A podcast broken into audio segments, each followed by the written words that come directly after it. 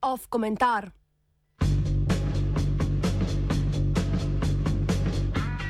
Evropska ljudska armada.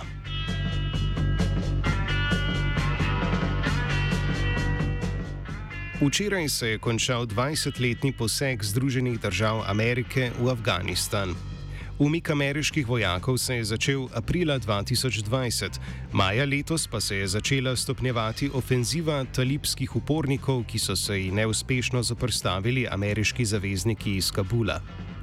Bliskovito hiter propad Islamske republike Afganistan je povzročil kaos na kabulskem letališču.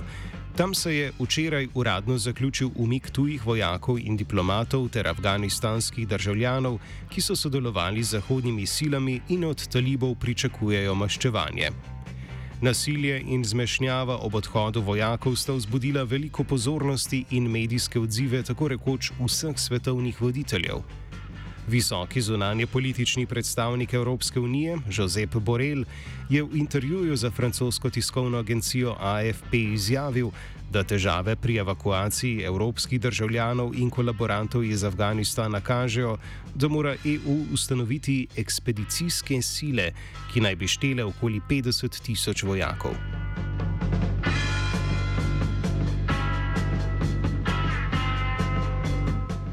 Prvi diplomat Evropske unije kot povod navaja nezanesljivost Združenih držav Amerike, za katere je v intervjuju povedal, da niso več pripravljene, da bojujejo vojne drugih ljudi na mesto njih. Očitno bi rad, da jih Evropa nadomesti, ne glede na to, kako škodljiv, še bolj pa neizvedljiv je takšen načrt. Njegov predlog lahko razumemo kot nadaljevanje pobude, ki so mu jo spomladi vložili obramni ministri 14 držav članic Evropske unije, med drugim Francije, Nemčije, Italije in seveda Slovenije. Predlagali so, da Evropska unija ustanovi skupno brigado s 5000 vojaki, morda pa tudi mornariške in letalske sile, katere glavna naloga bodo posegi v nestabilne demokratične države, ki potrebujejo njeno pomoč. Miroljubni predstavnik Borel je svojo odločno podporo tej ideji odprl vrata ustanovitvi evropskih sil za hitro posredovanje, angliško European First Entry Force, ki jih zdaj očitno želi še nadgraditi.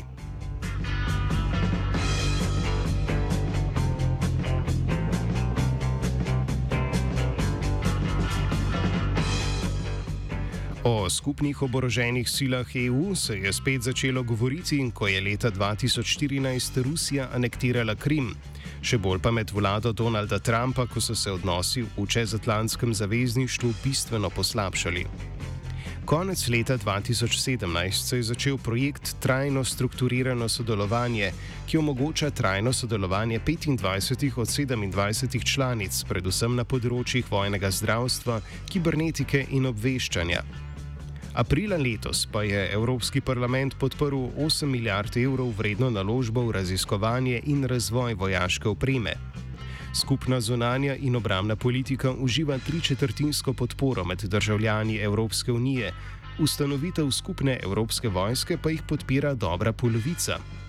Ta je najvišja v državah Beneluxa, Litvi in, med drugim, Sloveniji.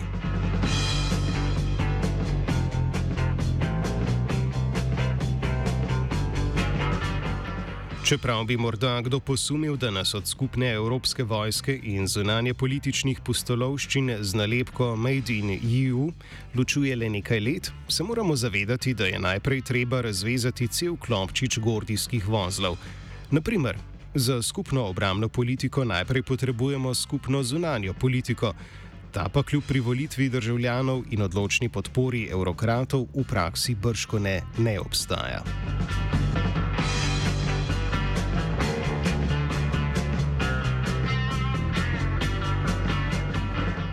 Kadar gre za karkoli več od deklaracij zaskrbljenosti, kot so jih sprejeli v primeru človekovih pravic Ujgurov in puča v Mjanmaru, je gospodarski interes veliko pomembnejši od evropske enotnosti.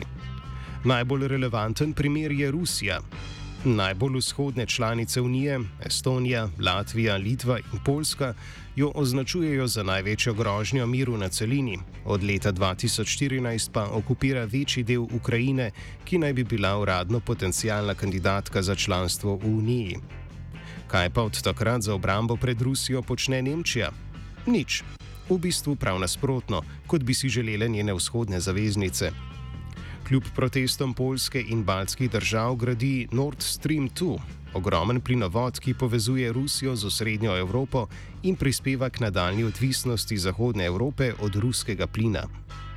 Lahko ob tem resno pričakujemo, da bodo Nemci ob morebitnem pojavu uniformiranih mož v pretežno ruskih delih Estonije priskočili na pomoč s čim več kot ostrimi pismi.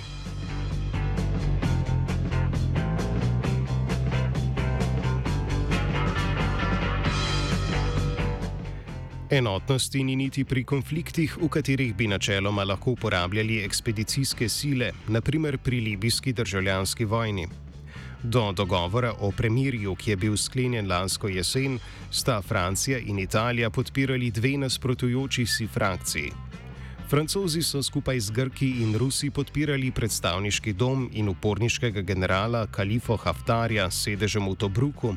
Italija pa tako kot Organizacija Združenih narodov in Evropska unija vlado narodne enotnosti s sedežem v Tripolju.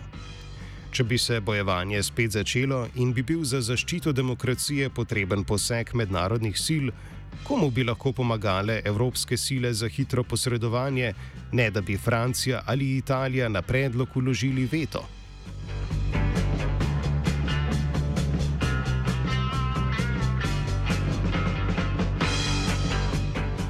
In tudi, če bi obstajal konsens, da je treba narediti poseg in v čigavo korist, ostane vprašanje poveljevanja. Koga bi sprejeli za vrhovnega poveljnika? Evropsko komisijo, Borela osebno, morda celo obramnega ministra države, ki predseduje EU? Po kakšnem ključu bodo izbirali časnike? Bi v Parizu, kjer pogosto vihajo nos celo nad turisti, ki govorijo angliško in ne francosko, dopustili, da bodo njihovim vojakom poveljevali v angleščini? Kajti, če bodo usilili dvojezičnost, bo imela evropska vojska verjetno enake težave kot Avstro-Ugrska na začetku Prve svetovne vojne, ko je polovica vojske večinoma govorila nemško, polovica pa mačarsko.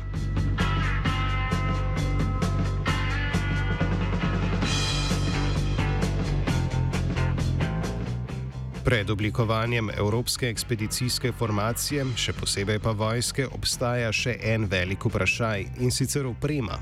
Natančneje, po kakšnem načelu jo bodo dobavljali. Pri nakupih orožja in opreme za Evropsko vojsko bodo zagotovo vse države hotele pobrati nekaj dobička.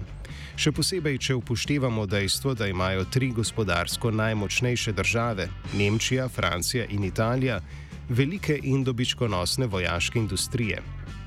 Ko so te na zadnje poskusile sodelovati pri večjem projektu, smo dobili letalskega lovca Eurofighter Typhoon, ki so ga skupaj razvili Nemčija, Združeno kraljestvo, Italija in Španija. Njegov razvoj je trajal 14 let, zaznamovala pa sta ga hiter izstop Francije iz programa.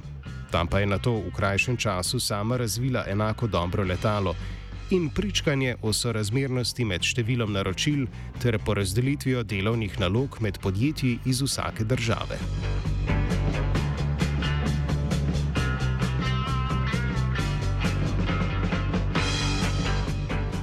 Ne na zadnje, če želijo v Bruslju imeti ekspedicijske sile, s katerimi bi posegali v vojne daleč od doma, bodo potrebovali daljnosežne logistične zmogljivosti, ki jih nima nobena država Evropske unije. Za strateški zračni prevoz, torej prenašanje večjega števila vojakov, vozil, opreme in tako naprej v bolj oddaljene dele sveta, se evropske članice pakta NATO povsem zanašajo na Združene države Amerike. Od vseh oboroženih sil v EU se je z vojaškimi posegi v Sahel kot najbolj neodvisna izkazala Francija. Tudi tudi francozi se pri tem za točenje goriva v lovce med letom zanašajo na ameriško logistiko. Ta je bila prav tako ključna za obsežno kampanjo bombardiranja libijske vojske leta 2011 in, kot je razvidno tudi iz Borelovih komentarjev, za odrešitev evropskih državljanov iz Afganistana letos.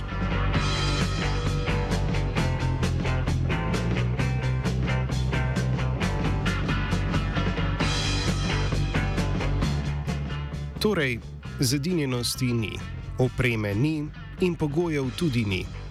Enotnost zunanje politike ali kakršne koli politike v času, ko se zaradi COVID-19 šengenske meje zapirajo, se zdi popolna znanstvena fantastika. Če Borel trdi, da bodo lahko v krajšem ali srednjem roku v takšnih pogojih lahko ustvarili kompetentno vojsko, ki bi jo lahko poslali v druge dele sveta, se ali sploh ne zaveda ovir pred sabo ali pa zatem stoji kakšen drug razlog. Ob morebitnem prihodu novega vala beguncev se bolj kot posegi v takšne ali drugačne tuje države zdi verjetna strategija popolne izolacije. Morali se bomo torej zadovoljiti zgolj z militarističnim geslom Fortress Europe.